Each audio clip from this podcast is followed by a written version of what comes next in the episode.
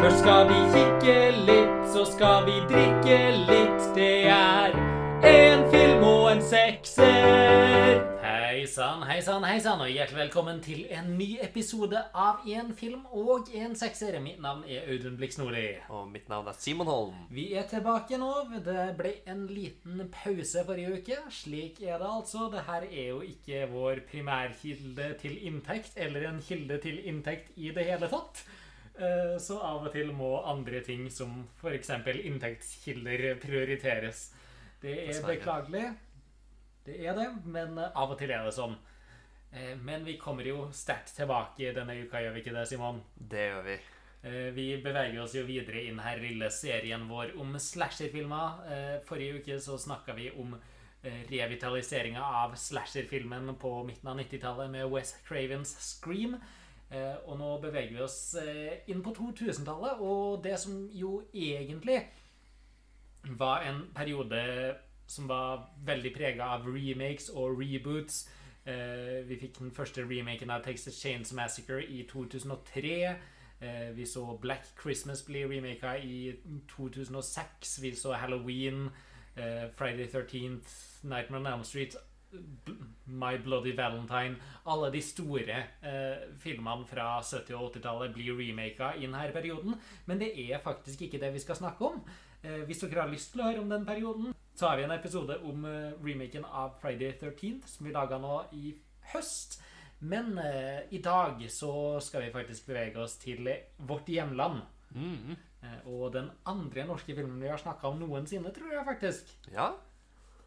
Eh, fordi at, ja, til og med en lille nasjon Norge lager slasherfilmer med jevn mellomrom. Og det her var vel en av de veldig tidlige norske slasherfilmene, faktisk.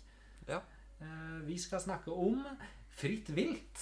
eh, En klassiker fra 2006. eh, Og som vi skal diskutere ganske snart, også en veldig tidlig norsk skrekkfilm i det hele tatt. Og jeg tror vi bare skal sette i gang. Kan starte med å bare spørre deg, Simon. eh, Har du hatt noe forhold til eh, Fritt vilt i det hele tatt fra før? Noe bare fordi det, det var en film som ble et slags tema da den kom. Jeg husker folk i klassen så den. Men jeg så den aldri selv. Jeg har heller ikke sett den i senere tid. Så jeg gikk inn ganske blank, egentlig. Jeg visste det var en sånn ganske skummel film, men den kom jo da jeg var ti, så det var kanskje på ungdomsskolen etter hvert at folk begynte å se den, så da ville jo det meste bli tenkt på som skummelt. Så nei, egentlig veldig lite å gå på. Så ja, jeg starta blankt. Ja. Hva med deg? Eh, Det er en film som jeg har sett tidligere.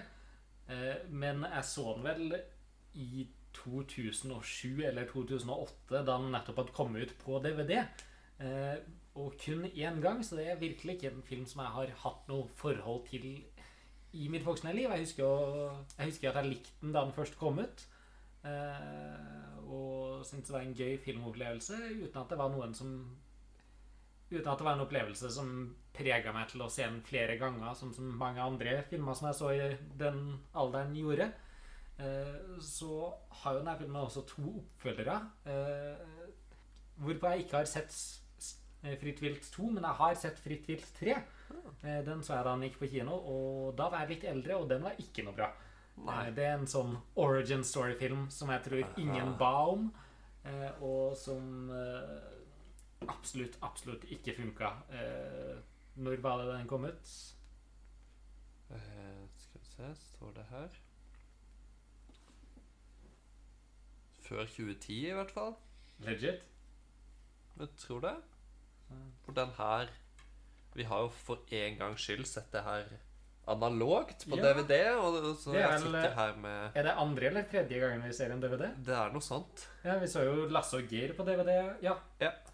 Uh, og så prøvde vi vel med Vi prøvde å se uh, Cannibal Holocaust på DVD, men det funka dårlig. Ja, nei, det gikk ikke. Men uh, den her trilogi-DVD-en, DVD-samlinga, den kom ut i 2010 i hvert fall. Ja, jeg ser nå at Fritt vilt 3 kom ut i 2010 også, så jeg var 15 år da jeg så den. Og da jeg var 15 år, så var jeg ikke veldig kritisk hva skrekken med, Så da må den være ganske så jævla dårlig. Ja, men det er det ja, jeg har hørt også fra de som har sett hele trilogien, at eneren og toeren er i en annen klasse sammenligna med treeren. Ja, og det er vel ikke helt uvanlig heller. Eh, Nei. Men vi kan eh, starte litt kjapt på den historiske konteksten. For dette er en film som kom ut i 2006. Eh, så det er en rimelig ny film. Men i norsk skrekkfilmhistorie så må den ses på som ganske gammelt. For at Norge, som i hvert fall når vi snakker om storfilmer, eller filmer med et noe større budsjett, og filmer som har blitt gitt ut på kino, så hadde egentlig Norge veldig lite skrekkfilmutgivelser før denne tida. Eh, Det var De dødes tjern som kom på 50-tallet. Eh, Men etter det så var det egentlig ikke noe før eh, Villmark i 2003, Nei. eh, som igjen satte i gang skrekkfilmsjangeren i Norge. Så på det viset så er det her en jævlig tidlig film i Norges skrekkfilmhistorie. Og det tror jeg også er noe som fører til mange av de elementene jeg tror vi skal snakke om. Fordi at det er Det er en film som prøver på veldig mye.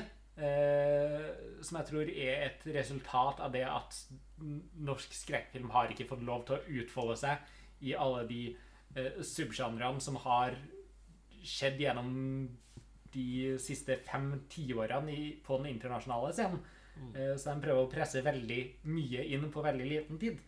Eh, og vi kan eh, snakke litt om hvordan det gikk utover. Men la oss bare sette i gang med denne historien. Det er jo Vi får jo det her anslaget med en liten gutt med et eller annet fødselsmerke rundt øyet som springer av gårde rundt snøen. Eh, som intercutter med intervjuer med noen opprørte foreldre og nyhetsinnslag og avisutklipp. Eh, som prøver å sette stemninga for filmen. Og det er jo ganske typisk for en slasherfilm å ha en liten scene eh, som starter ballet, eh, som skjedde for lenge siden eller på et ubestemt tidspunkt. Men hvordan syns du denne åpningssekvensen funker for denne filmen? Det som er positivt med den, er eh, at den er Den er ganske creepy. Mm. Eh, spesielt er disse foreldrene veldig godt casta. Mm. For de ser både veldig sånn nedbrutt ut, men òg bare veldig creepy ut. Mm. Det, når vi etter hvert kommer til tvisten, så er ikke den et sjokk nettopp fordi de ser så jævlig ut i den sekvensen her. Eh, og så det gjør det ganske effektivt, men selve det altså gutten som løper, kamera som kutter til svart, og så tilbake til gutten som løper i det hvite eh, det, det er bra at ikke den sekvensen er noe lenger enn den er, men det Ja. kunne jo vært, kunne vært et stillbilde, nesten. Det er jo ikke en Det er ikke så mye som skjer, og det er ikke så originalt, det som Mm. skjer, heller. Samtidig så er det jo Den prøver å sette stemninga forteller fortelle oss noe om det som kommer til å skje.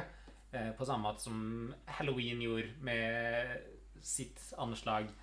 Men jeg føler liksom ikke at den her gir oss noe særlig som får oss inn i filmen.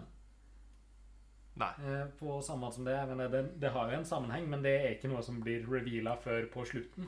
Nei. Det er veldig en, det er en prolog, det er ikke et anslag Mm. i så måte. Det er, eh, ja, det er rett og slett en teaser til det siste minuttet av filmen. Mm. Eh, og så er det jo underscora av den her eh, musikken som er litt Altså, det er jo en eh, originalkomponert instrumental filmmusikk, men den er veldig prega av æraens new industrial metal-stil. Eh, og når jeg hørte det her nå, så tenkte jeg ok, så det her er det som kommer til å prege denne filmen, det er det her lydbildet. Eh, som jo er for så vidt greit. Eh, og det var ikke uvanlig for slasherfilmer i denne æraen heller. Altså hvis man har sett f.eks. Freddy versus Jason, så er jo det den musikkstilen som er mest gjennomgående i det. Og det har jo ikke den samme sjarmen som eh, 70- og 80-tallets uh, synthscoring, men det funker. Men uh, musikken, den uh, er ganske Nærmest schizofren i denne filmen, tør jeg påstå. Det skal vi diskutere litt utover. Men vi kan vel si såpass nå at det er ikke noe sammenhengende lydbilde. Det er det ikke. Uh, noe som Jeg vil ikke Det på ingen måte ødelegger seeropplevelsen, men det gjør også at du ikke får eh, et så intimt forhold til filmen gjennom det auditive. Mm. Eh, som er litt tragisk. Men vi skal inn og møte våre fantastiske, sjarmerende ungdommer, skal vi ikke det? Ja. Fordi at det er jo en slasherfilm, og da trenger vi jo en gjeng med ungdom. Og denne gangen så er det en gjeng med norsk ungdom vi møter. Og hva tenker vi? Er de en sjarmerende bunch? Stort sett Ja. så er det jo det, med et, et tydelig unntak, Ja. kan man vel si. Eh, Det kan man absolutt. Det kommer jo eh, veldig fram utover filmen, men de er De er jo en flott gjeng. Ja, ja. Eh, Det er jo nydelig. De eh, har, eh, de har en kjemi mellom seg. De delvis stiliserte. Eh, Og det er jo Altså, flere av dem er jo veldig kjente fjes i dag, men Ja. ingen av dem hadde gjort så veldig mye før det her. En eh, Ingrid Bolsø mm, Berdal er jo ganske så stor nå, og sammen med Rolf Christian Larsen. Det her var vel før 'Mannen som elsket Yngve'. Ja. Eh, ganske rett før, men han har jo også fått en massiv karriere etter det her. Eh, og altså, jeg må si at skuespillerprestasjonene i denne filmen er jo ganske mange hakk over det vi er vant til å se i slasherfilmer, i hvert fall i forhold til de tidligere slasherfilmene. Det er det. Ja. Eh, samtidig så er det stor variasjon i Det er det. Hvis man bare hadde sett denne her filmen, så tror jeg ikke det hadde vært så vanskelig å gjette seg fram til hvem som kommer til å ha en lysende karriere, og hvem som kommer til å aldri spille i noe annet enn disse filmene noen gang. Det har du veldig rett i, men uh, der det er bra, så er det også jævlig bra. Absolutt. Men her er jo den her flotte ungdomsgjengen, fem venner som er på en biltur. To av dem sitter og kliner i baksetet, selvfølgelig. Eh, sånn eh, som seg hør og bør. Eh, de har en nydelig energi til seg. Veldig velskrevet og lekent manus på dette punktet også. Ja. Eh, dialogen er flytende og gøy. Mm. Eh, og det pekes jo ganske kjapt ut hvem det er som skal komme til å bli Fine Girl eh, i Det det. filmen her. Og det som er interessant, er at her har vi igjen en Final Girl.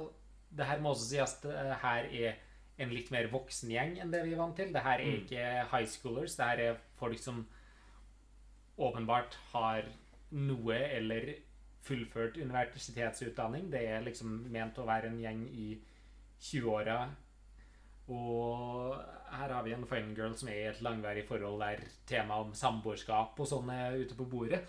Eh, Så ganske atypisk på den måten. Mm. Men det er ikke sånn at våre fine girls tidligere ikke har vært i forhold. Både Nancy og Sydney har jo vært i langvarige forhold, men det her er jo noe mer voksent og seriøst. Mm. Og det prøver aldri å hintes til til at det er noe jomfruelig med henne i det hele tatt.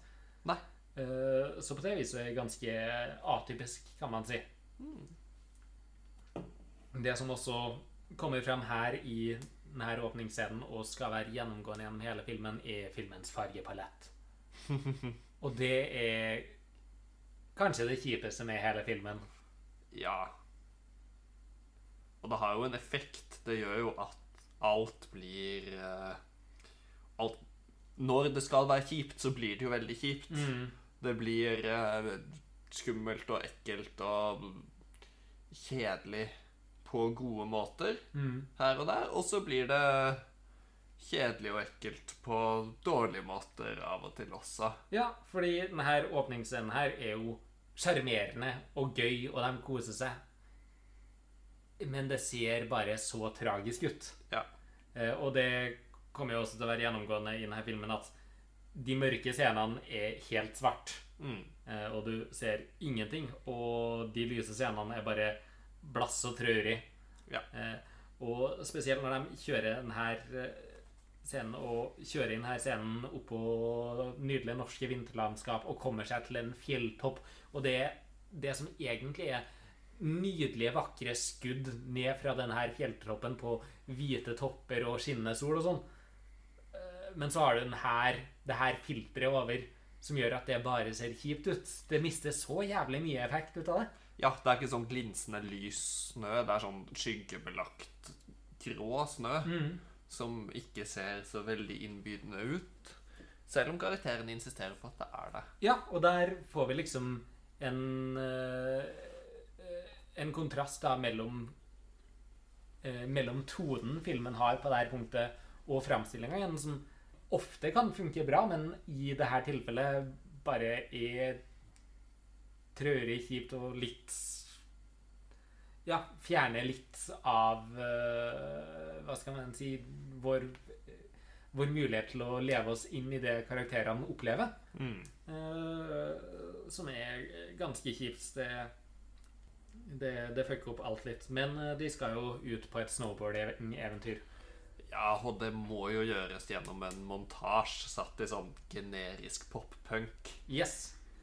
Og den her snowboarding-montasjen tror at den er jævlig kul. Ja, akkurat som de ungdommene gjør. Men det er den absolutt ikke. Altså, det er ingenting spennende med de her skuddene. Nei. Altså, det her eh, føles ut som det er noen snowboardere som har satt opp et kamera i snøen. Ja, ja, det er Og- sånn videregående skoleproduksjon. Og det. Altså, det er sjarmerende på et gøyalt vis, men jeg tror filmen her gikk for at det skulle være kult og gøy. Og det er det absolutt ikke. Nei, og det, de virker jo ikke som de er så gode til å stå på snowboard heller. Nei. Det er jo bare, De kjører jo bare ned. Det er ikke noe særlig hopping eller triksing eller noe sånt. Det er bare fem vanlige ungdommer som kjører ned en fjellside på snowboard. og Det er, det er jo koselig, det, men det er ikke så veldig kult. Nei. Det er veldig stor kontrast mellom musikken i bakgrunnen og det som faktisk skjer på kamera. Både hva skuespillerne gjør i snowboardinga, og også skuddene og klipperytmen. Får det til å se så veldig ut som bare middelmådige folk som står ned en bakke. Og det er gøy, eh, men det er på ingen måte kult. Nei. Eh, men eh, fuck it, det er jo ikke en snowboardingfilm, så man skal vel kunne Man skal vel kunne unnskylde det. Ja. Eh, det var vel heller ikke en film som hadde massivt budsjett til uh, helikopterskudd fra, av eh, folk som står på snowboard, og uh, noen som kunne eh, stå nedover bakken selv med steadycam. Det, så det skal vi unnskylde den, men det er jo veldig klart at den, ikke, den scenen ikke ble som den er intendert. Mm. Eh, Men det spiller ingen rolle, for at eneste, eneste grunn til at de står på snowboard, er jo at noen skal bli skada, og den som blir skada, det er eh, Rolf Kristian Larsen, eller Morten Tobias, som han heter her. Morten Tobias, Fantastisk navn. Og her får vi det som egentlig skulle vært et jævlig sexy brudd. Eh, for at det her er et stikk, bein stikker ut av eh, ut av leggen-skudd. Men fargepaletten igjen ødelegger det her. Ja, for her, så fort han faller, og vi kutter ut av denne montasjen, så matcher jo lyset plutselig fargene. Fordi det var i hvert fall litt sol og litt glans i, i lyset.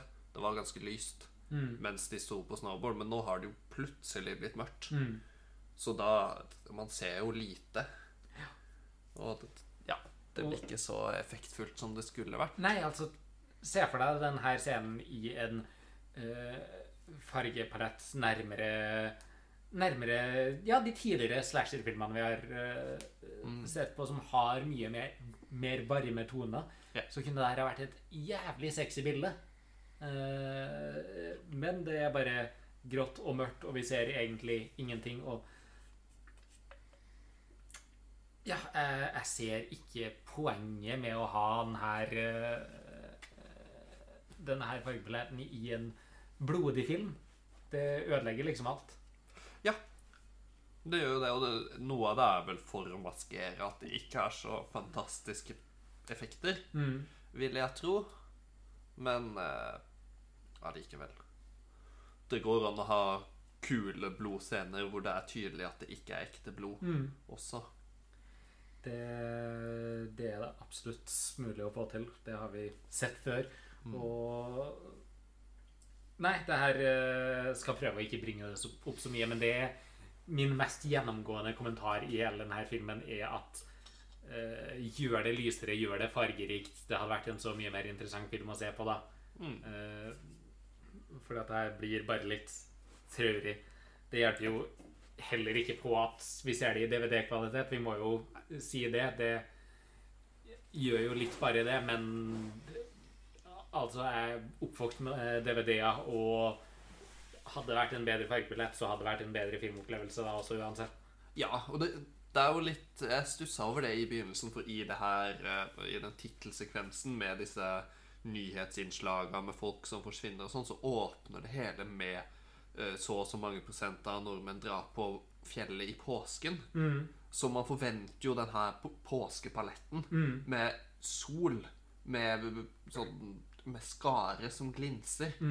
Men det vi får, er jo sånn februarsnø, februarfjell, hvor det er grått, og det er kald, løs snø, som ikke ser noe pen eller innbydende ut, men likevel er bra å kjøre i og sånt. Men det det er ikke, det er ikke et sekund av påskestemning i denne filmen. Absolutt ikke. Så jeg tror jo Jeg tror kanskje ikke det er påsken, men Ikke godt å si. det men, gjøres aldri klart. men uh, Men det hadde vært mye kulere hvis denne var sånn påskete. skinnende sol og lyse, klare, sterke farger. Ja, da, da, hadde, da hadde det blitt en mye tydeligere kontrast mellom det lyse og det mørke her.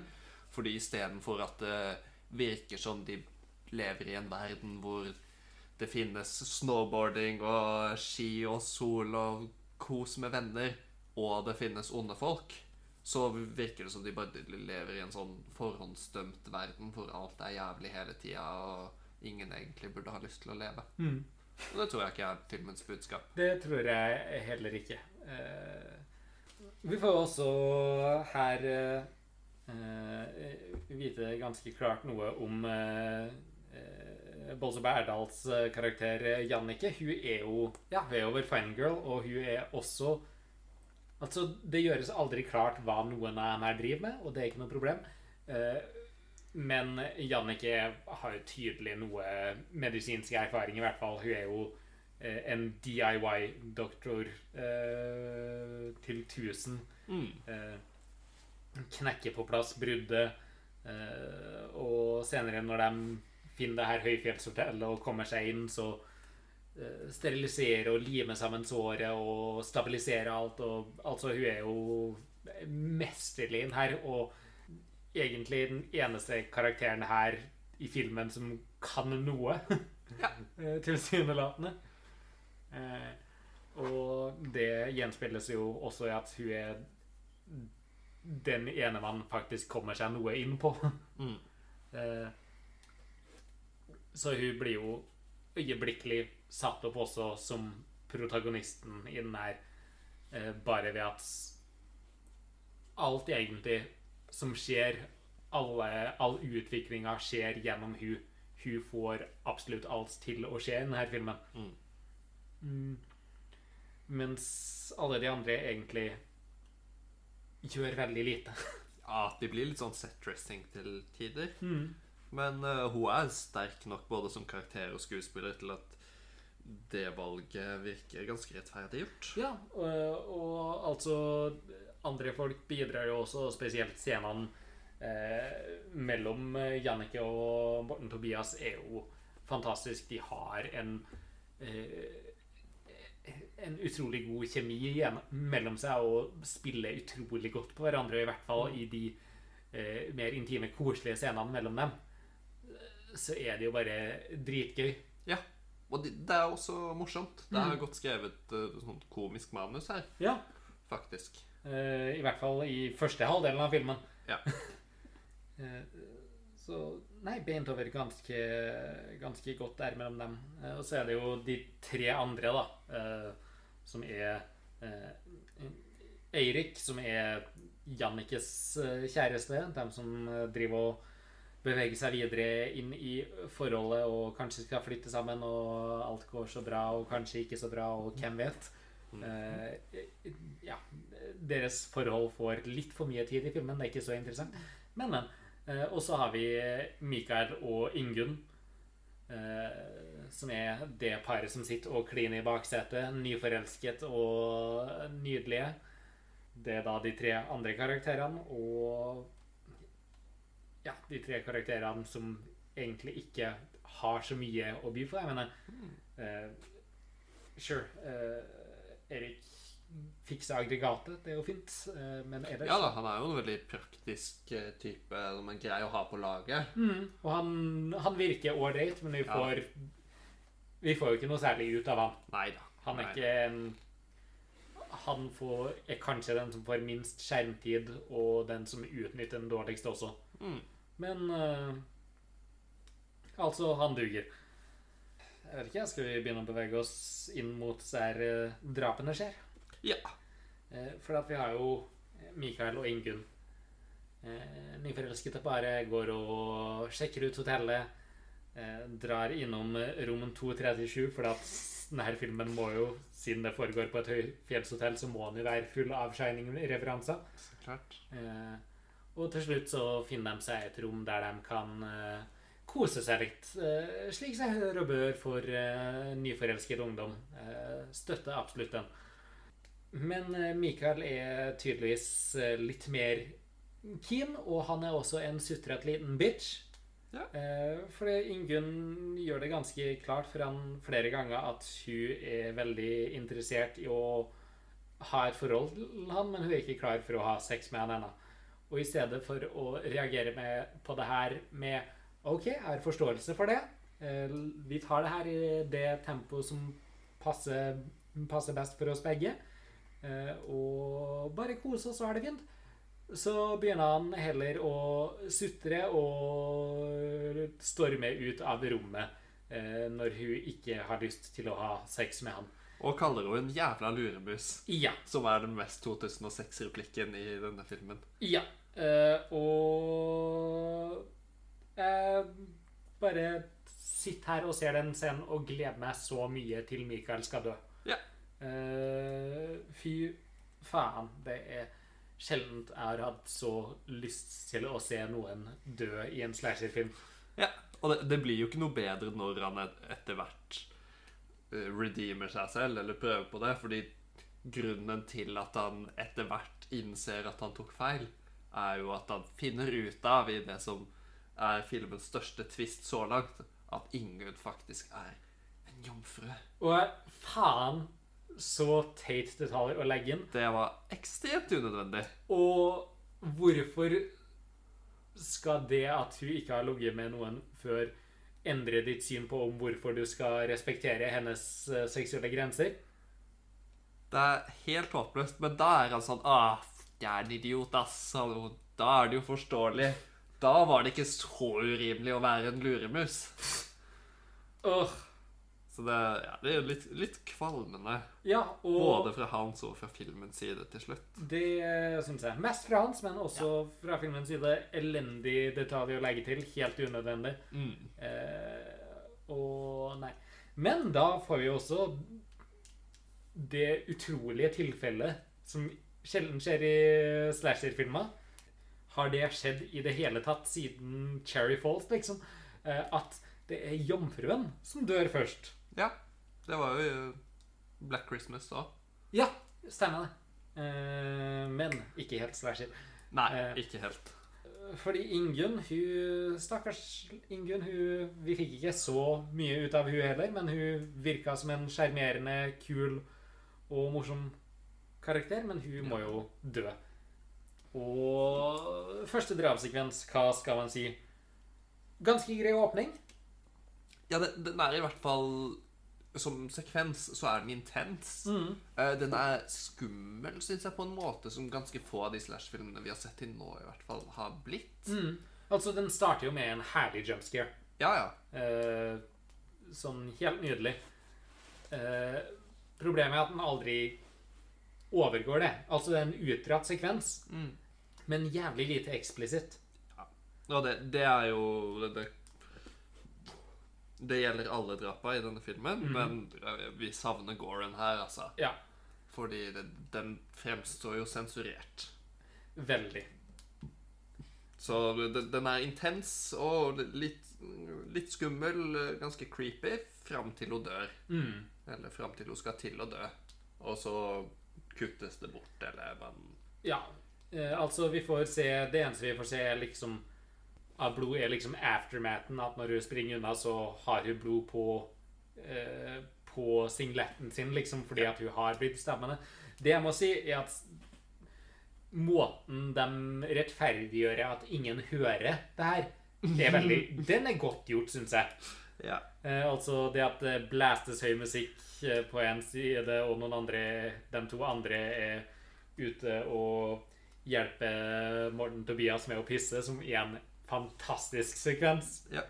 Eh, så det her eh, De legger inn mye arbeid og lykkes med det å rettferdiggjøre hvorfor ingen legger merke til å høre det her. Mm. Eh, som jeg må si at eh, eh, Si at det er godt arbeid, men igjen altfor lite eksplisitt. Ja, og det, det er jo vanskelig å si om dette er noe de har gjort for å få en lavere aldersgrense, eller om det er noe de har gjort fordi de ikke har budsjett nok til å få sånne eksplisitte drapssekvenser til å se bra ut, eller om det bare er et rent kunstnerisk valg. Mm. uansett hva som ligger bak her, så er det feil avgjørelse. Ja. Fordi dette hadde vært en mye kulere film hvis man hadde fått se noen dø. Mhm. Og man hadde fått se noen dø på en litt kul måte. Ja. Så Eh, det, ja. det, det altså, er et stor du, svakhet. du har en morder med en isøks, for faen. Eh, La oss se den brukes litt. Mm. Uh, også morderen. Vi får ikke se egentlig noe særlig av han. Vi får se mest armer og bein. Mm. Eh, eh, så i motsetning til mye av det vi har sett tidligere, eh, etter Black Christmas, der morderen er veldig ute i spotlighten eh, og blir en karakter man kjenner på sin egen måte, så er han her mer en karakter i skyggene. Mm. Eh, får, det tar veldig lang tid før man får se noe tydelig av han. Ja, man hører han mye og enser han, men eh, Mm. Det må også sies på det tidspunktet vi har hatt ett eller to point of view-shots fra morderen mm. eh, fram til nå. Eh, som jo er en, et klassisk element av uh, slasher- og giallo-filmene. At du har morder point of view, uh, som jo er deilig, alltid gøy. Uh, og de brukte det litt i starten i denne filmen. Mm. Det var noen nice point of view-shots, men det slutter de helt med Ja. ganske øyeblikkelig. Og jeg skjønner ikke helt poenget med det. Nei, de bruker det jo på en måte til å hinte om at å ja, her er det noe galt som skjer. Her Mm. er det kanskje noen andre til stede. Så så fort de bekrefter det, så slutter de med det, men da Ja, da gir det jo litt lite mening. Ja, det Vi kunne gjerne hatt det som et gjennomgående Som noe gjennomgående gjennom hele filmen, for at det er jo Det er jo gode skudd. De er veldig Veldig eh, spenningsfylte, og det er et nice touch. Og det er absolutt noe som hører hjemme i, sang, i sjangeren, men i stedet så bare kuttes det etter å ha blitt gjort et par ganger. Og Mm. Nei, jeg syns det er et ganske svakt valg. Mm. eh, som jo er litt litt gjennomgående. Mm. Så kan vi jo bare snakke litt om musikken Mm. til nå, for nå har vi jo vært innom i hvert fall tre helt forskjellige sånn hovedtemaer. Mm. For det var den her eh, kaosmusikken som Mm. prega åpningssekvensen. Mm. Og så har de en litt sånn eksorsistenaktig pen piano horror theme som den er veldig øh, Altså, den, den gjør seg godt i en sånn her film. Jeg, jeg liker det, men den er veldig derivativ. Mm. Den er uoriginal. Mm. Og det, det går fint. Denne, veldig mye i den filmen er pastisj. Eh, og det er jo også fordi de har ikke så mye eget å bygge på. De må jo bruke de slasher-konvensjonene som finnes, og de kommer seg unna med å gjøre det fordi dette er ikke en veldig etablert sjanger i Norge på dette tidspunktet. Så det, det er helt fair, det, men det høres ut som veldig mange andre skrekkfilm-soundtrack. Og så, når noen skal dø her, så kommer en ny pastisj. Psycho. Ja. Psycho og også blitt brukt i, i The Shining. Mm. Eh, og mange andre sånn eh, Altså psycho-horrors. Mm. Sånn aggressiv strykemusikk. eh, Ja. Veldig skingrende, veldig forstyrrende. Men heller ikke her så veldig original. Nei, og altså Det funker. Mm. Altså, det er, det er veldig stilriktig musikk. Ja. Og, men det er veldig tydelig at det ikke er gjort noen valg her. Ja.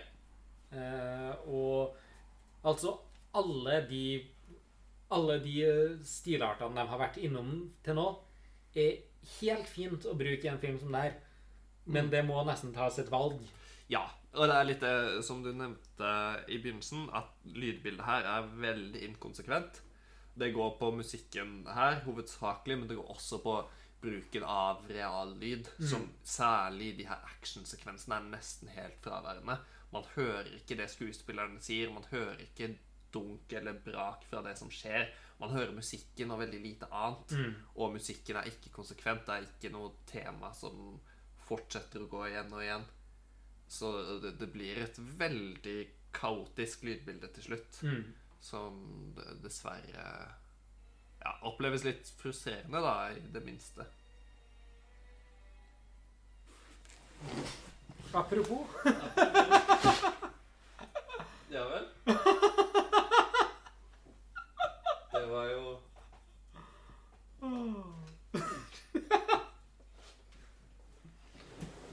Ja, ja, ja. Den ville visst skru seg på som en kommentar. Eh, Hvis det ikke ble klart, så begynte Simons PC plutselig å spille av eh, musikken eh, fra Fritt vilt igjen på et eller annet mystisk vis. Eh, Vet ikke hva som skjer. Kanskje vi er hjemsøkt og kommer til å dø nå under innspillingene her. I så fall, eh, til den personen som finner oss Til den personen som finner oss og finner det her lydklippet, please slipp det her. Både Simon og jeg logga inn på Anchor på våre enheter. Bare slipp våre drap ut on the airways, for Ja. det kan ikke se for meg bedre måte å gå. Eh, Og til de som dreper oss Gjør det pent. ja, Vær så snill. la oss få noe estetisk drap her. Jeg snakker, jeg vil ha blodsprut utover veggen her, for at Simon har uh, veldig uh, fine hvite, uh, hvite vegger og litt god spray utover dem. Det hadde gjort seg. Ja, det hadde vært nydelig. Jeg, jeg tenker, hvis dere ikke kan gjøre det i stil med Argento, så ikke gjør det i det hele tatt. Nei, da hjemsøker vi dere i tilfelle. Mhm. Nøyaktig. Eh, men ja, Ingunn er død, og Morten Tobias sin fot er knekt, og ingen vet at Ingunn er død. Eh, så derfor bestemmer de seg for å sende Eirik ut alene i snøstormen eh, for å finne bilen. Og det må jo være imot minst én fjellvettregel. Ja, det er det helt definitivt. Ikke at jeg kan dem utenat, men det må vel være noe som ikke dra ut i snøstormen alene. Det er faen ikke verdt det. Et eller annet sånn. Ja. Men det som skjer, er jo at han eh, Selvfølgelig så har vi det der eh, nydelige romantiske klisjéøyeblikket der Jannicke i, i, hem, i all hemmelighet eh, legger sin nøkkel med en eh, bamsenøkkelring eh, sammen med hans nøkler for å sende et lite signal. OK, jeg er klar, la oss flytte inn sammen. Eh, som er sjarmerende eh, Ja. og søtt og koselig og passe for forholdet deres og for filmen her. Eh, og så går han ut, finner liket til Ingunn, og vi skal få det som tilsynelatende er drap nummer to. Og absolutt det kjipeste i hele filmen. Ja, ja. Det er jo helt uh, fraværende. Mhm. Altså Her får du bare han som går ut, finner liket til Ingunn. Å nei, morderen reiser seg bak han, og vi får bare den her øksa som kommer inn mot kamera, cut black. Jesus Christ. Når var sist gang jeg kjeda, kjeda meg så lite i en drapssekvens? Det eneste positive her er jo at vi får se Ingunns forfrosne døde kropp Ja. og ansikt. Det er jo kanskje det mest eksplisitte i hele filmen også. Dette ene skuddet av hennes eh, lik. Mm. Så det, det, det er fint. Det er fint. Men eh, resten står ikke i stil til det. Nei, det, du får liksom ingenting ut av det. Du får så vidt en reaksjon fra han. Mm. Ikke noe blod, ikke noe gørr. Eh, Ikke noe estetikk. nei.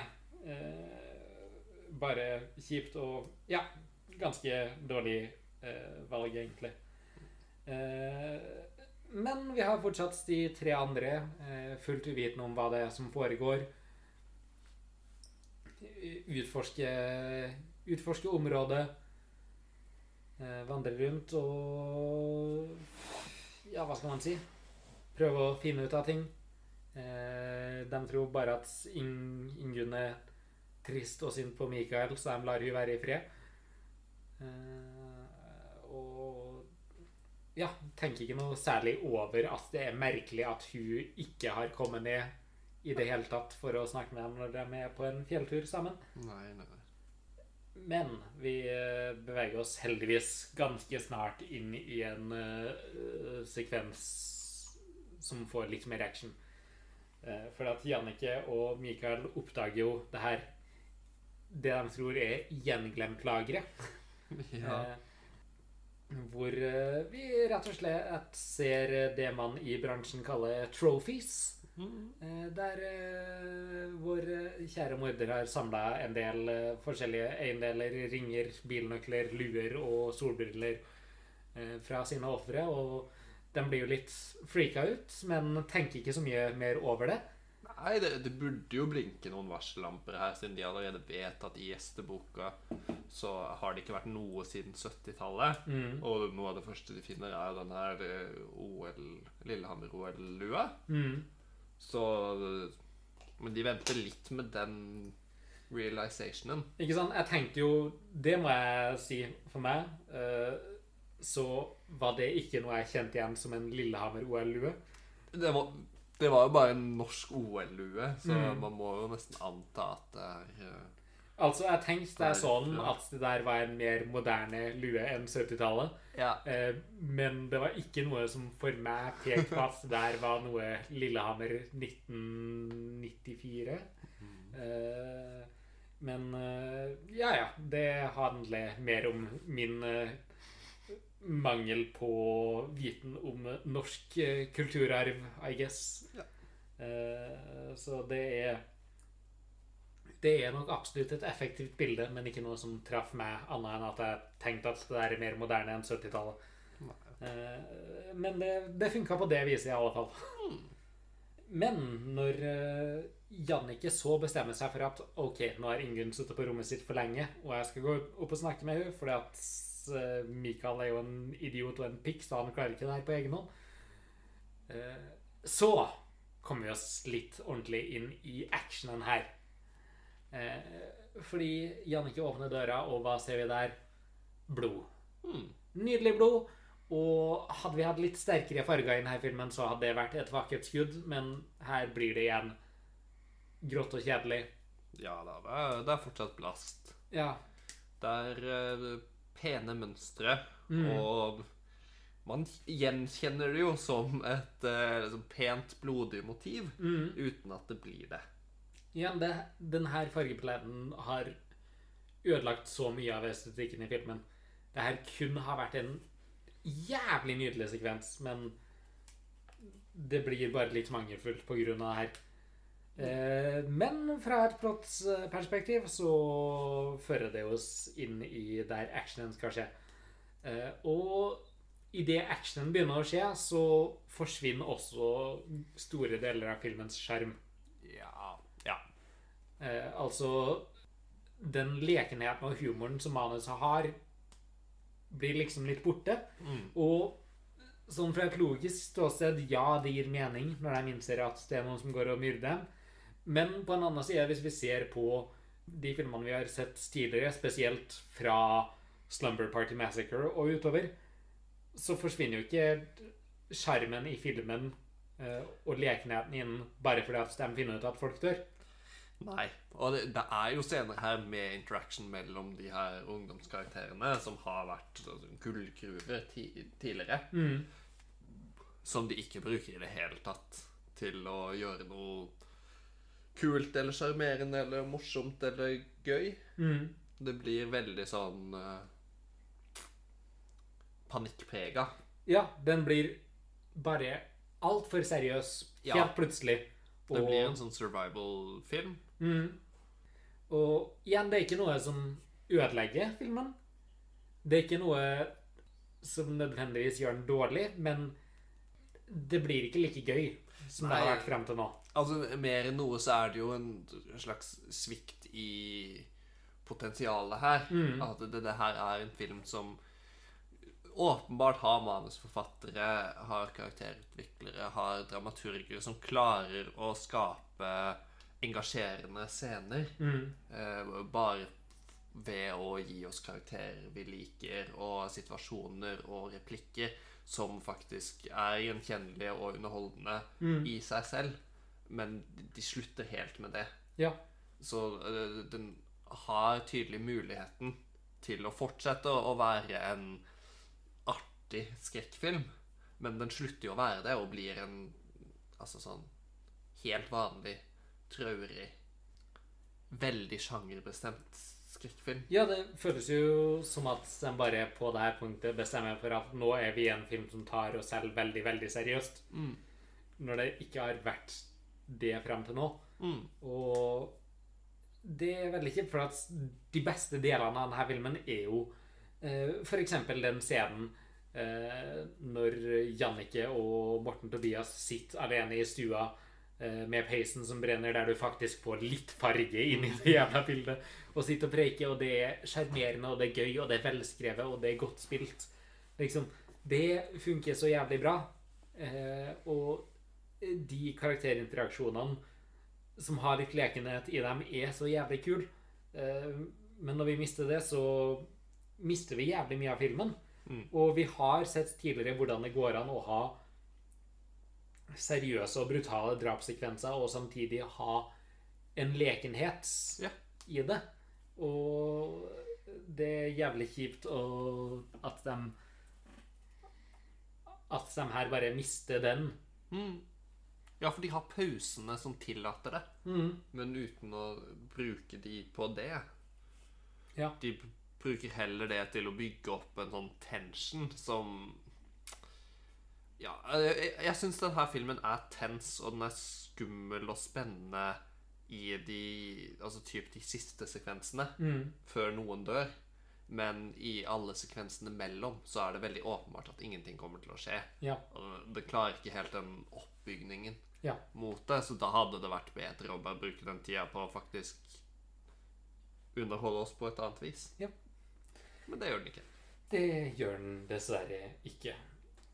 Eh, og jeg, jeg må også si det at når de kommer inn i et blodig rom eh, der Mikael og kjæresten hans har vært, og vi ser hvordan Mikael sitt forhold til kvinna er, eh, at ingen eh, beskylder han for å drepe kvinnen som avviste han.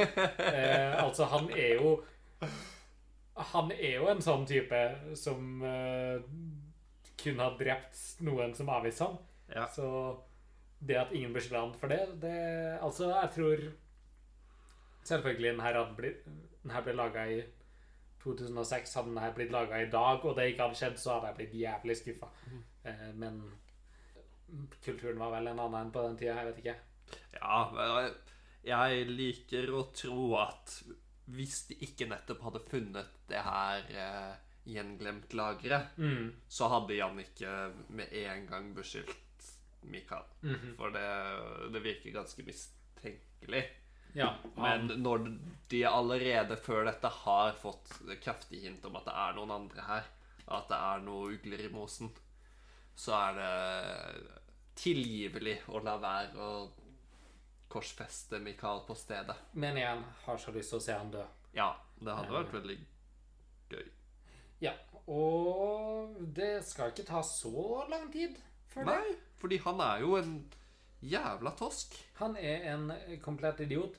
Og først når de oppdager det her og kommer seg inn på et rom og låser seg inn, eh, så bestemmer han seg jo for at eh, faen, jeg skal gå ut og utforske. Ja, han må finne Ingunn, Ja. fordi han er en tosk. Ja, fordi at det går an å miste så jævla mye blod. Eh, og overleve, selvfølgelig. Ja, og rettferdiggjørelsen for det her er jo at han blamer seg selv. Han klandrer seg selv. Så altså, helt åpenbart, det er, det er jo hans skyld. Det er yeah. ikke noe å si imot det. Men problemet her er at denne her heartfelt-scenen hvor han bare bryter ut i gråt, klarer han ikke å selge i det hele tatt. Fordi Nei. han er en så mye dårligere skuespiller enn de to andre som er igjen. Jo, det, men det er både det at han er ikke en så god skuespiller, og det at Altså, karakteren hans har ikke gjort noe for å tillate han det der emosjonelle utbruddet. Han bryr seg jo tydeligvis ikke om hun Han har bare lyst til å ha sex med hun Ja, og det eneste som har gjort at han tilgir henne for å være en luremus, er at han fant ut at hun faktisk er en jomfru. Mhm. Så det, det fungerer jo ikke på noen måte. Nei. Men det fører jo til at han eh, kommer seg ut. Mhm. Rømmer av gårde og prøver å Jeg vet ikke, jeg begynner å lete. Det, det, det, jeg tror ikke han selv vet hva han ser etter, eller hva planen hans er. Men han klarer jo etter hvert å støte på denne fjellmannen. Mhm. Og på magisk vis klarer å hoppe opp på tak for å unngå han og Ja, kommer seg tilbake på rommet og låser seg inn og eh, prøver å overbevise Jannik om at Hei, la oss uh, stikke av gårde, du og jeg, og la Morten Tobias bli igjen her alene, fordi at han er fucked uansett. Ja, rett etter, rett etter han har vært sånn Ok, nå må jeg tilbake hit for å gjemme meg. Så er han sånn Nei, vi kan ikke gjemme oss, vi må løpe. Mm. Så han skulle bare løpt med en gang, men han er jo ikke den skarpeste kniven i skuffen. Nei, og han er jo bare en drittsekk, så igjen gleder meg til å se han dø. Og det kommer nå, fordi at når eh, Fordi at Jannicke er jo et godt menneske og sier at vi skal faen ikke stikke noe sted uten Morten Tobias. Som jeg støtter, fordi at Morten Tobias er gøy og kul, eh, og Jannicke er gøy og kul, eh, og Mikael en drittsekk, så derfor bare hopper han ut av vinduet. eh, og kommer seg av gårde og vandrer rett inn i en bjørnefelle og Yes! Ah. Åh, det er deilig. Mm. Det er deilig. Det er altfor sjelden du får, ser folk gå inn i en bjørnefelle. Ja. Når ellers er det det skjer, liksom. Det er når Charlie gjør det i Always Sunny. Eh, men ellers så skjer det jævlig sjeldent. Ja, det det. Og pris Herren når det skjer, altså. Eh, Det hjelper så mye på. Eh, Men det tragiske er at en drapssekvens som starter så sterkt, kulminerer med at han bare får nakken knekt. Det liksom Det der var en sekvens som hadde så mye potensial, og det der var en karakter som er satt opp for at du skal hate han, til en viss grad, og i hvert fall hvis man ser på den med noen som helst form for eh, progressive øyne, så kommer du til å hate han så jævlig mye. Og det å se han bli litt straffa og torturert hadde vært eh, en form for katarsis her. Men de bare unngår det og la han slippe unna så billig. Ja. Og her hadde de en mulighet til å gjøre et så nydelig og utdrapt drap, og de bare dropper det. Her hadde ingen tidsbegrensninger på det her drapet. Alle visste at det kom til å skje, eh, og ingen kunne gjøre noe for å hindre det eller å avbryte det, liksom. Nei. Så hvorfor ikke bare la oss få litt utdratt jævla vold her? Ja, og vi- ser store deler av denne scenen fra Jannicke og Morten Tobias sitt point of view, som er ganske langt unna gjennom et vindu. Så man ser det på avstand. Mm. Og det er jo en veldig god unnskyldning til å se noe sånn Altså Noe som egentlig er helt jævlig, og som man kan tenke seg at er helt jævlig, men som ikke ser så jævlig ut på avstand. Ja, du kan slenge inn så mye eh, Så mye implisitt uh, brutalitet der. Mm. Uh, og den bare Og så bare knekker han nakken på han. Det er jo Tragisk. Ja. Uh, og ja, bare en så massiv missed opportunity der. Og nei Bare Ja, det er noen utrolig svake valg i denne drapssekvensen her. mm. Liker det ikke. Liker det ikke i det hele tatt. Men nå har jo alle de gjenlevende sett morderen. Eh, og de vet at de må komme seg til helvete ut herfra. Eh, og Jannicke bestemmer seg for å putte Morten Tobias inne på matlageret. Nok en Shining-referanse. Er så jævla mange Shining-referanser i denne filmen. Ja, det Men- hotellet de er på, refereres jo til og med til som Ondskapens hotell i en av de Ja. Hotellet Ondskapens hotell. Eh, noe grusomt har skjedd inne på rom 237. Eh, altså alle exterior-skuddene av snøen utafor hotellet er jo direkte kopi av The Shining. Ja, dette badekaret ligner jo veldig på det badekaret som eh, hun gamle dama ligger i. Mhm. Det er bare Og altså, jeg mener, skal du plassere en skrekkfilm på et høyfjellshotell, du kan ikke unngå det. Nei, nei, Så altså, det er bedre at de bare melker den litt. ja, for det er, nydelig. Eh, eh, og ja, hun plasserer han der på matlageret på samme måte som eh, eh, Som Shelly DeVall putter Jack Nicholson der. Eh, og hun skal ut og utforske og prøve å finne en måte å redde dem på. Eh, og det er vel og bra, det, men måtte vi få den der kjærlighetserklæringa? Nei, det Det var jo strengt tatt unødvendig. Eh, fordi at Morten Tobias er en mye gøyere karakter hvis han bare er en jovial, trivelig, gøy type uten at han har og en singel type blant par uten at han er superforelska i en av kvinnene der. Det ødelegger litt av det Ja. for meg, må jeg si. Det føles som han bare er med Nå føles det liksom som han bare er med for å være nære en kvinne han er forelska i, som har en seriøs kjæreste, liksom. Ja. Eh, og det har ingen innvirkning på det som har skjedd verken før eller det som skjer etter, så jeg skjønner ikke poenget med å putte den detaljen inn der. Nei. Nei, det er jo et forsøk på å gi det en slags sånn emotional core. Jo, men vi brydde Men oss jo allerede om begge de karakterene. Det var jo de to Ja. karakterene man faktisk brydde seg om her. Det er nettopp det. Så Men jeg, jeg, jeg må si det at selv om det, den scenen som konsept er eh, feilbarlig og er veldig unødvendig og klein, så er jeg glad for at de ikke gjør det mer komplisert enn det må være. mm. At han ikke tvinges til å faktisk erklære sin kjærlighet. Nei, nei. Det, det er en enorm lettelse som nesten tilgir det. Jo, At hun bare skjønner det av seg selv, men det er, ja, det er ikke nok for å gjøre opp for at det, det, eksisterer. det, gjør nesten, det gjør nesten at jeg bryr meg mindre om han nå Mm. enn jeg hadde gjort hvis han bare hadde vært Kan han ikke bare si at han er redd? Eller at han er glad i henne, at han ikke vil at hun skal dø, eller et eller Hva som helst annet enn at 'Å, jeg er forelska i deg'. Ja, ja for det er jo en sånn forsterkelse av det at øh, menneskelige bånd ikke er verdt noe med mindre det er øh, partnerskap. Mm. Eller det er uh, Romantisk ja, romantisk er ordet jeg leter etter. Ja. Og det, det er tåpelig. Det er det.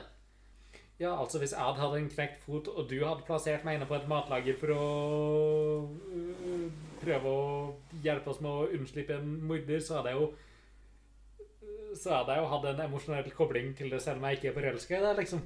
Det, det går an å bry seg uten å ha lyst til å ha sex. Ja. Eh, rett og slett. Og nei, det, det ødelegger litt for meg, altså, må jeg si. Mm. Eh, men, men, men. Eh, vi kan bevege oss videre fra det likevel. Nå skal jo Jannicke ut på tur og utforske, prøve å finne noe å forsvare seg med. Og det vi får, er jo en jævlig utdratt reveal av noe som man visste kom til å skje. Noe som vi ikke nevnte tidligere. Eh, fordi at vi har jo en uh, Chekhovs gun-variant her. Eh, fordi at tidlig i filmen, når de går rundt og prøver å finne måter å stabilisere beinbruddet, så finner jo Jannicke en haglepatron. Uh, og det skuddet lingrer altfor lenge. Så det er jo veldig, veldig tydelig at Oi, en haglepatron kommer til å være viktig for filmen her. Og det stemmer jo, for her er det også enda et altfor utdratt skudd der hun finner en hagle. Ja, Eh. og det, det reddes ene og alene av Ingrid Bolsø Berdal. Hvis det hadde vært en hvilken som helst annen skuespiller, så hadde det her vært veldig kleint. Mm. Men hun klarer å selge det bedre enn mange. Ja, nå er det bare litt kleint. Ja, det er bare litt kleint. Så ja. Det er nesten tilgivelig. Det er nesten tilgivelig, men dem, hvis man ser de her skuddene Altså, hvis Hvis det, den haglpatronen bare hadde vært noe som vi bare dro ut og slengte fra seg, som man bare så vidt fikk med seg, så hadde det vært verdig med denne revealen. At hun ser den, og så bare tenker seg litt om, og så husker hun tilbake. Liksom, Da kan du ha den her litt utdratt, men når begge to er så satans utdratt, så eh, blir det blir det litt sånn Ja, vi skjønner poenget. Hun har sett et hagleskudd tidligere, og nå ser hun en hagle. OK, la oss komme oss inn i filmen igjen, please. Eh, men som du nevner, hun, hun spiller jo begge scenene utrolig bra. Ja. eh, og redder det inn, men det er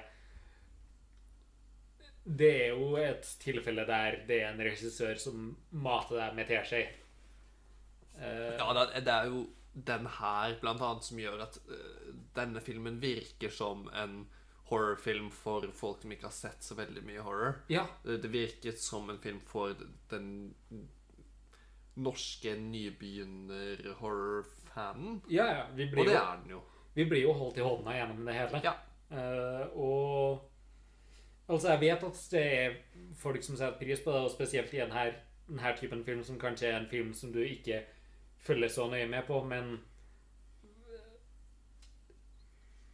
Det er noe som alltid plager meg når jeg ser film, fordi at jeg Jeg setter pris på en regissør som forventer at jeg følger med på filmen. Ja. Uh, og det her blir det samme som en montasje i slutten av en forvirringsfilm som skal klare opp Som skal løsne opp i alle trådene. Eh, og ja. Det, Ja, det, vi kan jo ekstrapolere det her til å påpeke eh, et slags forhold mellom noe av denne filmens største styrker og svakheter. Mm. Fordi jeg syns der denne filmen er best, er når den er en horrorfilm som bruker vanlige horror tropes, ikke på en overdreven måte, men på en vanlig måte, satt i et norsk landskap. Mm. At det er en norsk tolkning av et eksisterende konsept. Og der den er på sitt svakeste, er når den er en introduksjon til sjangeren for nordmenn. Mm. At den skal være eh, så grunnleggende og ikke, ikke en videreføring av det som eksisterer innen sjangeren, men en gjentagelse Mm. for det nye norske publikum. Ja. Og det, det, er, det er en ganske tynn linje mellom de to. Og den uh, detter veldig mye på begge sider. Ja, den gjør det. Den er veldig mye Den er pastisj på godt og på vondt. Mm. Den er Altså, som alle horrorfilmer som kom på dette tidspunktet, så er den jo veldig derivative. Den ta, låner og stjeler fra utallige kilder. Og av og til så gjør det at det blir veldig kult. Og av og til så gjør det at det blir veldig kleint. Mm. Og veldig unødvendig. Ja. Eh, la oss bare rase oss gjennom eh, det som skjer nå. Altså, hun har funnet hagla, hun finner skuddet, og de bestemmer seg for at nå skal vi trappe den her jævelen. Eh, så de går ned i kjelleren. Eh, men i kjelleren så finner de jo ut at Oi, shit, Eirik lever jo fortsatt. Eh, men vi rekker ikke å redde han, for at morderen er her. Eh, og la oss, eh, la oss trappe morderen og skyte han. Eh, men vi har bare ett skudd, og whoop de fucken eh, Utdratt scene. Spenningsnivå sånn midt på treet. Ja. Og det, det, det fine her er at Jan ikke forholder seg som et menneske gjennom hele, og det gjør også Morten Tobias. At hun klarer ikke å bare stikke av når hun vet at Eirik fortsatt er fanga og i live der inne. Og Morten Tobias klarer å akseptere det valget hennes. Ja. Så det er nydelig. Selv om det er frustrerende. Ja. Eh, så de eh, åpner opp døra igjen eh, for å drepe morder og slippe Eirik fri. Eh, men morderen er jo ikke en idiot. Han vet at de har en hagle. Eh, så, så han eh, setter jo Erik foran seg. Eh, noe som Morten Tobias ser idet Jannicke er i ferd med å skyte, og eh, skuffer hagla vekk eh, før morderen da stabber Erik gjennom brystet med, en, med den her isøksa si. Og det er kanskje det mest eksplisitte drapet vi ser, egentlig. Ja. Eh, men fortsatt litt skuffende, for det er bare en ishakke som går gjennom brystet Ja. eh, Og bakfra. Og ja, Det er veldig sånn one and done. Det er ikke noe dveling ved det. nei. Så Eh, eksplisitt, men ganske kjedelig, mm. kan man si. Og Eh, Morten eh, Tobias ofrer seg. Ja, men før det så må jeg bare si at den her, det som skjer nå i aftermathen når eh, Erik dør, det er sånn OK, ja Eh, Bolse Berdal spiller den utrolig bra. Den sorgen hun har der, er fantastisk. Den desperate sorgen der. Nydelig. Men måten det er skutt på, måten det er utrett på, blir altfor melodramatisk for en sjangerfilm som det her. Mm. Så Ja, den blir jo sentimental mm, på et tidspunkt her, som er en veldig uvant tone for en skrekkfilm å plutselig ha. Ja, i hvert fall en skrekkfilm av denne typen, liksom. Ja, ja. Uh, og det bare passer ikke inn, og det uh, passer spesielt ikke inn i situasjonen i den stressa situasjonen de er med i. Nei. Eh, og reaksjonen er nydelig og emosjonell og realistisk, men måten det er filma på spesielt, eh, er altfor utrett og melodramatisk. Ja, det mangler bare And I, I will always love you i bakgrunnen. Det, Ja. det er den type scene, i hvert fall. Ja. Men ja, som sagt, Morten Tobias eh, ofrer livet sitt. Heroic act, og han spiller den heroic acten bra. Igjen. Eh, altså Ja. Rolf Christian Larsen er minst den nest beste skuespilleren i denne Ja, filmen. han er kompetent. Eh, mens, eh, mens Jannicke eh, eh, kommer seg ut i eh, naturen og tar på seg skiene og prøver å rømme så godt det lar seg gjøre. Eh, og her får du også liksom enda det, det fjerde musikkskiftet, kan man si. For at her får du en sånn action-thriller-tema Ja. som aldri har vært til stede i filmen før, og plutselig popper her, opp her i de siste fem minuttene av filmen. Mm. Uh, som bare ikke gir noe mening. Kan jo ikke i det minste Altså, den psycho-aktige musikken funker jo bra som chase-musikk. Kan du ikke heller bruke den? Som igjen bare tar deg litt ut av det. Mm. Eh, Det å bare presentere så enormt varierte musikalske tema Bare bestem dere for en jævla stil! Jesus Christ. Eh, Men her også så er jo Kommer jo mørket i denne filmen fram som ting, fordi at vi skjønner jo at hun er stressa og kommer, må stresse seg av gårde og er redd. Men her igjen popper morderen bare ut av mørket, ut fra ingenting, og slår hun i svime på et halvt sekund. Og du får ingen spenningsoppbygning i det.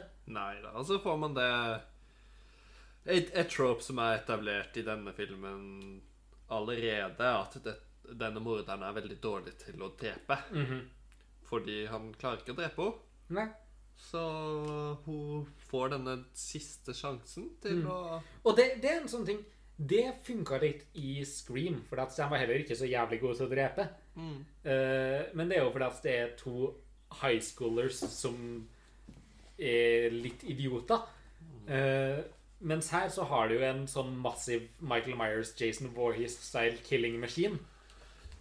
Ja da, men Som, samtidig som du skulle tro var bedre til det. Altså, han utstråler en mer barsk, jævla semi-overnaturlig mordergreie, liksom. Ja, han gjør det, men samtidig så er han jo en altså Mentalt så er han jo fortsatt en liten gutt, Ja. virker det jo som. Og han har allerede i denne filmen virker det Det er noen deler av dette som virker Men altså, som han både Michael Myers og Jason Voorhees avslutta jo også sin emosjonelle utvikling i rundt seks til ti år gammel. Så Ja da. det er jo Jeg ser ikke hvorfor han skal suge så hardt til å drepe Nei, folk. nei det, det er rart. Men det, det er i hvert fall etablert her, fordi han klarte jo ikke å drepe Eirik Mm. på en god måte heller. Så han er jo litt sånn inkompetent som morder. Og det virker nesten som han har det som en slags filosofi når han til slutt drar de her til dette dype Hva kaller man det? Den dype sprekken i isen. Ja, Kaster en eller annen avgrunn av noe slag. Ja, at det, er på en måte til syvende og sist ikke han som dreper de, men det er naturen som gjentar de. Eller claimer de, da. Ja, fordi at han tar dem med ut på denne sleda si eh, som en pervers julenisse av noe slag. og drar dem ut én etter én. Eh, og hiver dem utfor stupet, og Jannicke en siste igjen. Eh, men i motsetning til det andre, så er hun faktisk i live. Eh, som jo hjelper på eh, hvis du skal nedkjempe en morder. Ja. Og klare å få tak i en tapetkniv som som Morten Tobias hadde gjemt i lomma si. Og utføre en kamp. Eh, brukbar final showdown. Ja. Ikke noe Altså Ikke noe nevneverdig spennende. Vi har sett mye bedre av det før. Mm. Men det, den funker. Ja da. Den, den er spennende, actionfylt. Eh, ja. Bra, bra nok. Bra nok. Klarer jeg til slutt å få sendt han over eh, stupet i stedet for seg selv. Mm. Eh, hakka ned av sin egen isøks. Eh, Ja. Og så får vi jo to reveals på, på rappen her. mhm. Eh, Det første er at denne morderen, denne fjellmannen, er han lille gutten som forsvant i åpningssekvensen. Mhm. Som man ser eh, fra dette fødselsmerket rundt øyet. Mhm. Og man får vite at Eller rett etter dette, når uh, Jannicke klarer å velte han uti nedi denne sprekken, at det var faktisk foreldrene hans, disse creepy jævlene, som hadde prøvd å begrave ham i en lignende sprekk, men ikke klarte, så han hadde tatt hevn på de. Ja. Og noe av det vakreste i hele denne filmen syns jeg er uttrykket hans når han til slutt blir beseiret her Mhm. og begynner å falle ned, fordi han virker letta. Mhm. Han virker som at dette var uh, Dette var hans destiny.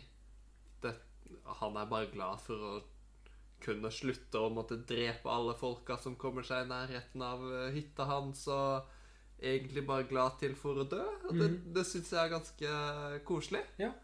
Det, han var eh, et monster skapt av traume og omstendighet. Mm. Og nå får han endelig hvile. Ja. Og det er pent. Ups. Det første jeg vil snakke om, er avslutninga her. Og det er den revealen. Altså, det at det reveales at det er han, det, det er alt vel og bra. Ikke sant? Da har vi liksom en morder. Men hva gjør det at det reveales at det er foreldrene hans som har drept ham? Hva legger det til filmen? Det gir jo en motivasjon som gjør at det, det her er en person som er forma av traumen sin og av et svik. Jo, men Men det Gjør det det? Altså, et svik, sure, men altså, det, det her er ikke akkurat foreldrefigurer han driver og dreper. Nei, nei, så det er jo det som er øh, problemet igjen. At som i alle filmene vi har snakka om til nå, så er det her mordere med varierende grad av justification for at de er mordere, Mm. men som fortsatt bare dreper folk for å drepe folk. Ikke sant? For at i fredag den 13. og de subsequent sequelsene, eller i hvert fall de første sequelsene, så er det liksom, da gir det mening. Da er det liksom camp, camp counselors som eh, ikke har gjort jobben sin, som er grunnen til at Jason er død, som gjør at både mora til Jason og senere Jason dreper camp counselors. Eh, og så har du Freddy som dreper ungdom fordi at Freddy alltid har drept ungdom, så det er liksom fair, det. Mens her er det sånn OK, foreldrene dine prøvde å drepe deg, men hva har det med tilfeldige ungdom som kommer opp på hotellet å gjøre, liksom? Ja. ja, det er et veldig naivt syn på hva som skaper en morder. Mm. Som igjen er et slags sjangertrekk, men fortsatt noe Ja. de burde være bedre enn. Eh, hvis vi ser litt mer på det her som en slasherfilm, så syns jeg at mye av det seksuelle narrativet som slasherfilmer ofte har, som vi bruker veldig mye tid på å snakke om Vi har jo snakka veldig mye penis og vagina i denne podkasten. Og eh, jeg beklager hvis det gjør noen ukomfortabel, men per dags dato så driver jeg og skriver en bacheloroppgave om slasherfilmer. Eh, og les bøker som har 17 referanser til penis og vagina per side, så dere skal ikke klage i det hele tatt. Jeg klager ikke heller. Det er jævlig gøy å lese om penis og vagina. Eh, Men det er veldig lite av penis og vagina inne her, egentlig. Mm.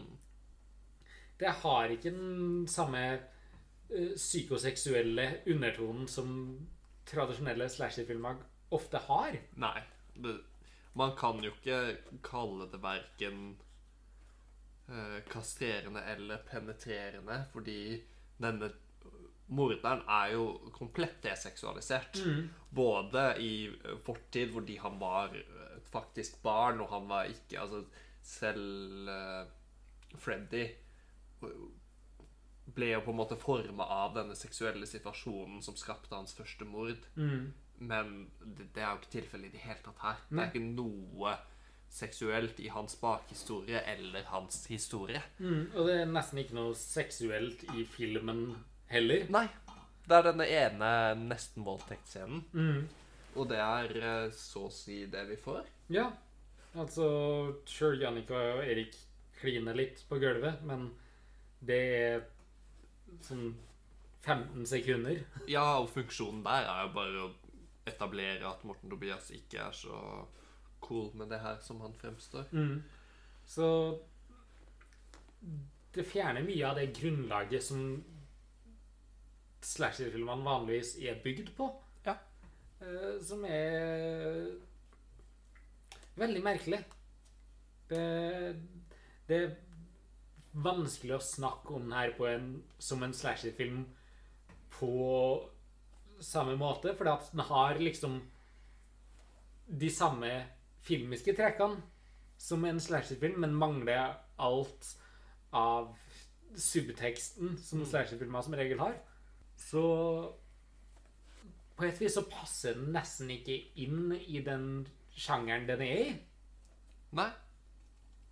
Det, det er så vanskelig å si, for at det vi Jeg nekter å tro at alt av slasherfilmer tidligere bare har vært enige om at vi skal ha en seksuell sub subtekst som folk kan lese inn i. Uh, For at jeg tror ikke at folk, filmskaperne nødvendigvis har vært så smarte. Men den har alltid eksistert der. Det har alltid vært noe underbevisst i det som har gjort at man kan lese det til det. Men det er helt fraværende i den her. Og det er spesielt merkelig i en film som kommer så sent som 2006. For at ikke bare har vi hatt flere tiår med slasherfilmer, vi har også hatt Scream-æraen, som understreker alle de seksuelle undertonene i filmene. Vi har hatt det meste av enormt viktig faglitteratur om slasherfilmer som er gitt ut før det her. Ja. Eh, så det virker jo nesten som at eh, Som at de her har gått inn for å lage en anti-slasher-film, på et vis. Ja, eller så er jo det de Det jeg tror er mer sannsynlig, er jo at de bruker de slasher tropes her som selger. Mm. At dessverre er det ikke sånn at folk flest, kinopublikum i USA og i Norge før 2010 så på slasherfilmer for å få med seg de seksuelle allegoriene og eh, det subtekstuelle som ligger der. De Mm. ser det for å bli litt skremt og se en jente overleve en manisk morder til slutt. Så at det er dette de spiller på, at de ikke bryr seg om det subtekstuelle fordi det ikke selger. Og sånn sett føyer den seg jo pent inn i rekken av sånne prequels og requels og sequels som kom akkurat rundt dette tidspunktet, fordi den er ute etter å selge den ideen av en skrekkfilm og spiller på eh, mer enn noe annet publikums oppfatning av hva en skrekkfilm er og skal være, og tilfører seg det perspektivet uten å egentlig gå noe mer inn i hva, hva sjangeren er, og hva den har vært, eller har prøvd å være, eller har blitt, uten å egentlig ville det. Mm. Den verdien den egentlig har fått. Så det gir jo mening, men det gjør jo at det blir litt grunnere enn det gjerne skulle ha vært. Mm. Og det, ja, det syns jeg var en ganske grei beskrivelse av denne filmen generelt. Den er ganske grunn. Ja. Ja, det, det blir en sånn opplevelsesskrekkfilm som veldig mye skrekkfilm er, dessverre, og som er noe av det beste med den, den moderne skrekkfilmbølgen som beviser en gang for alle, uten at det har trengt å bevises, at skrekkfilm kan være mer enn bare skummelt. Ja. At det går an å få substans inn i halvannen time med skummelt innhold. Absolutt. Og fordi at det denne filmen mangler, den mangler en kjerne. Mm. Altså, den har noen gode karakterer, og den har tydelig kompetente manusforfattere. Ja, og den har veldig godt skuespill. Utrolig godt. Eh, men den går ikke inn for å utnytte det gode den har. Den går inn for å selge oss en sin versjon av den tradisjonelle slasher-historien uten å gå inn i hva den tradisjonelle slasher-historien egentlig innebefatter. Ja. Uh, og det er der den mister meg litt. Mm. Fordi at den klarer å emulere slasher-filmen veldig godt opp til det punktet der den glemmer at den må ha noe mer til seg. Ja. Og det er det som gjør at Halloween og Nightmare on Elm Street og Scream har overlevd som kultklassikere fram til nå. Mm. Fordi at hvis folk bare var opptatt av drap og drap og sex, så finnes det bedre filmer for det, liksom. Mm. De, de store slasherfilmene overlever fordi at de har noe mer til seg. Og det er det den her mangler. Mm. Den, den glemmer å legge noen form for kjerne, noen form for betydning til det den prøver å fortelle. Ja, og hvis vi skal sammenligne med f.eks. Scream, da, som også er et som også er et referensielt verk, sånn som Fritt vilt er, så er jo Scream en slags, i hvert fall i større grad et forsøk på en videreføring og en eh, en sånn remix av disse tropesa, og enda mer meta og selvbevisst. Mens Fritt vilt i- takler det på en sånn måte som gjør at det, det føles liksom oppbrukt når man har sett det andre. Det, det føles litt som at den belager seg på at dette er en av de første slasherfilmene man ser. At man ikke har noe særlig forhold til sjangeren. Og det, det er jo akkurat det den gjorde Ja. ved å være en av de første norske slashfilmene noensinne. At den spiller på den eh, uvissheten, den ukjentheten. Den appellerte til de 14-åringene i 2006 som ikke hadde fått med seg noen av disse slashfilmene, og bare ville ha en slasherfilm som viste seg å være norsk, og som fikk høyere seertall fordi den var norsk, men ikke klarte i tilstrekkelig grad å tilføre den det norske perspektivet. Fordi det gjør den av og til. Og jeg syns noe av settinga, eh, noe av naturen, noe av stemninga, noe eller ganske mye av dialogen og forholdene er norsk på en veldig bra måte. Ja, og det er jo noe av dialogen som er så bra capturing av den der tidas uh, ungdomssjargong. Ja, og da er det, det er ikke en kopi av det amerikanske. Det er en fornorsking av det amerikanske. Og det syns jeg er helt greit. Det er ganske vakkert. Og det er det som også foregår i de første 40 minuttene av filmen. Ja. Og de første 40 minuttene av filmen er også desidert beste delen av filmen. Altså Det her er en av de få slasher-filmene som er mer interessant før drapene begynner.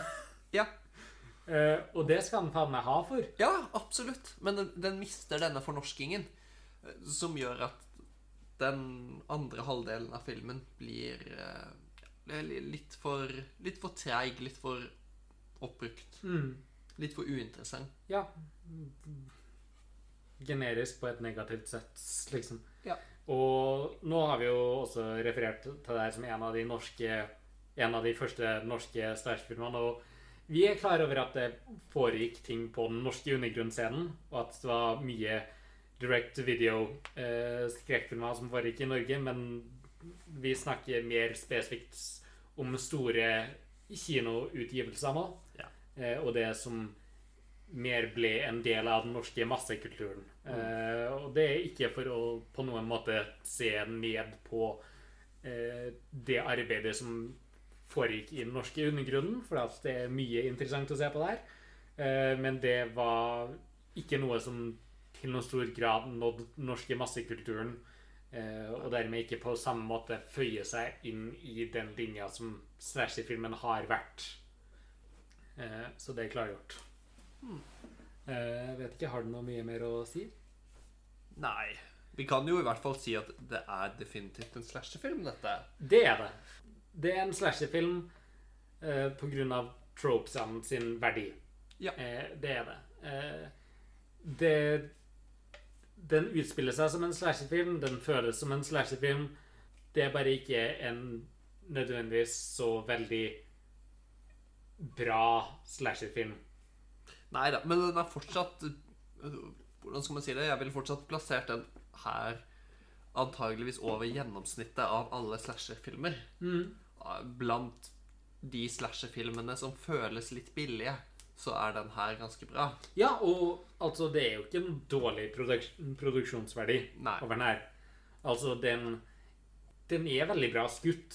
For eksempel kameraarbeidet i her er, bortsett fra snowboard-sekvensen, selvfølgelig, som jeg har snakket om, så er kameraarbeidet ganske bra. Og det er ikke det er ikke noe dårlig regiarbeid. Og manuset igjen de første 40 minuttene er nydelig. Samtidig så er det estetiske mangl mangler eh, både i drapssekvensene og bare det generelle uttrykket i filmen. Ja. Som det er i altfor, altfor mange generiske slasherfilmer. Det er det. Eh, men det jeg må si eh, til forsvar for generiske slasherfilmer, så er det igjen det her med fargepaletten. Ja. For at hvis de hadde gått for De hadde ikke engang trengt å gått for noe mer ekstremt i fargepaletten, bare gått for et mer naturalistisk En mer naturalistisk fargepalett, så hadde det vært en mye mer givende film. Ja. Fordi at den her er bare så blass og kjip. ja, det blir veldig tørt. Mm. Og det, det går jo litt mot sin hensikt. Eh, har du noe avsluttende tanker du vil si før vi runder av, eller? Jeg, sy- jeg syns jo fortsatt det er en film verdt å se. Mm. Hvis du har lyst på en, en norsk, men ikke norsk nok vri på slasher-sjangeren. Eh, jeg syns den gjør noen ting bedre enn veldig mange amerikanske slasher-filmer. Den har ganske godt karakterarbeid, og den har en kul setting, og den er, den er litt skummel. På en måte som eh, flere av de gamle slasherfilmene vi har sett, ikke helt klarer å bli, bare fordi den er mer moderne i uttrykket. Eh, og blir mer naturalistisk av den grunn. Eh, selv om den ikke helt klarer å leve opp til det potensialet som finnes kanskje aller mest i manus. Hvis jeg hadde lest dette manuset, så tror jeg jeg hadde hatt veldig høye forhåpninger. Mm. Og så lever den ikke helt opp til det. Mm. Men det er jo fortsatt et, et verdig forsøk. Ja. Syns jeg vi kan si. Det, det er mine tanker. Har du noe mer å tilføye? Altså Jeg skal på ingen måte fraråde noen fra å se denne filmen. Det er en gøy film å se. Eh, og altså Jeg vil alltid anbefale folk å se og støtte norsk skrekkfilm, fordi at vi trenger å lage flere av de her til lands. Eh, så absolutt støtt alt av norsk skrekkfilm, for da får vi mer norsk skrekkfilm laga. Og den har mye gode kvaliteter. Det er godt skuespillerarbeid, det er et godt skrevet manus, det er mye bra kameraarbeid. Eh, Men den faller flatt, mye på grunn av den her fargepaletten som ødelegger alt det som egentlig er estetisk nydelig i denne filmen.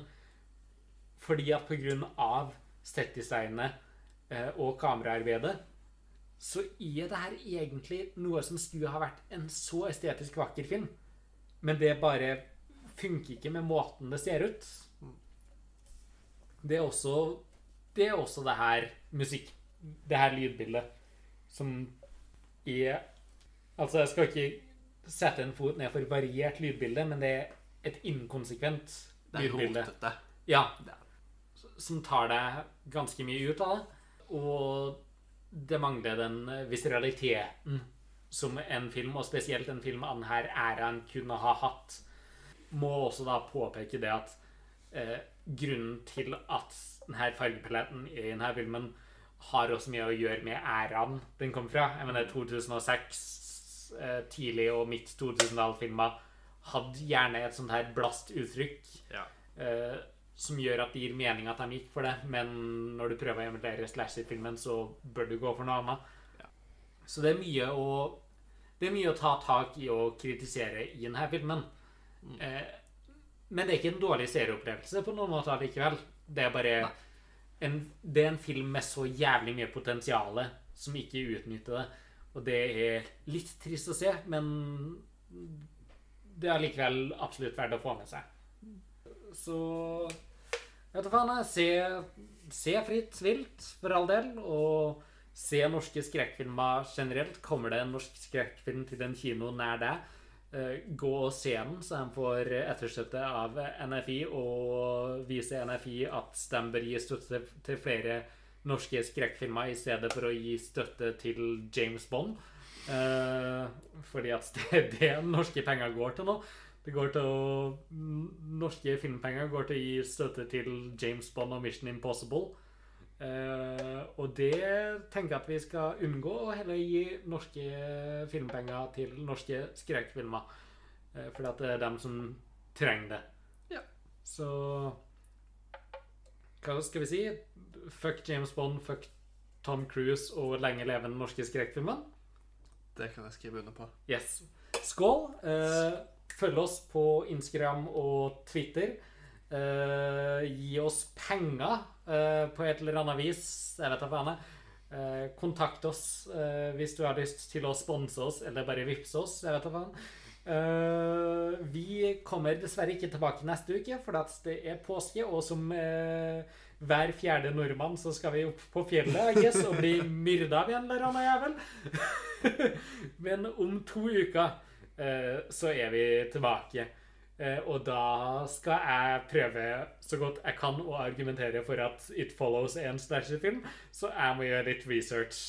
Jeg ser fram til det.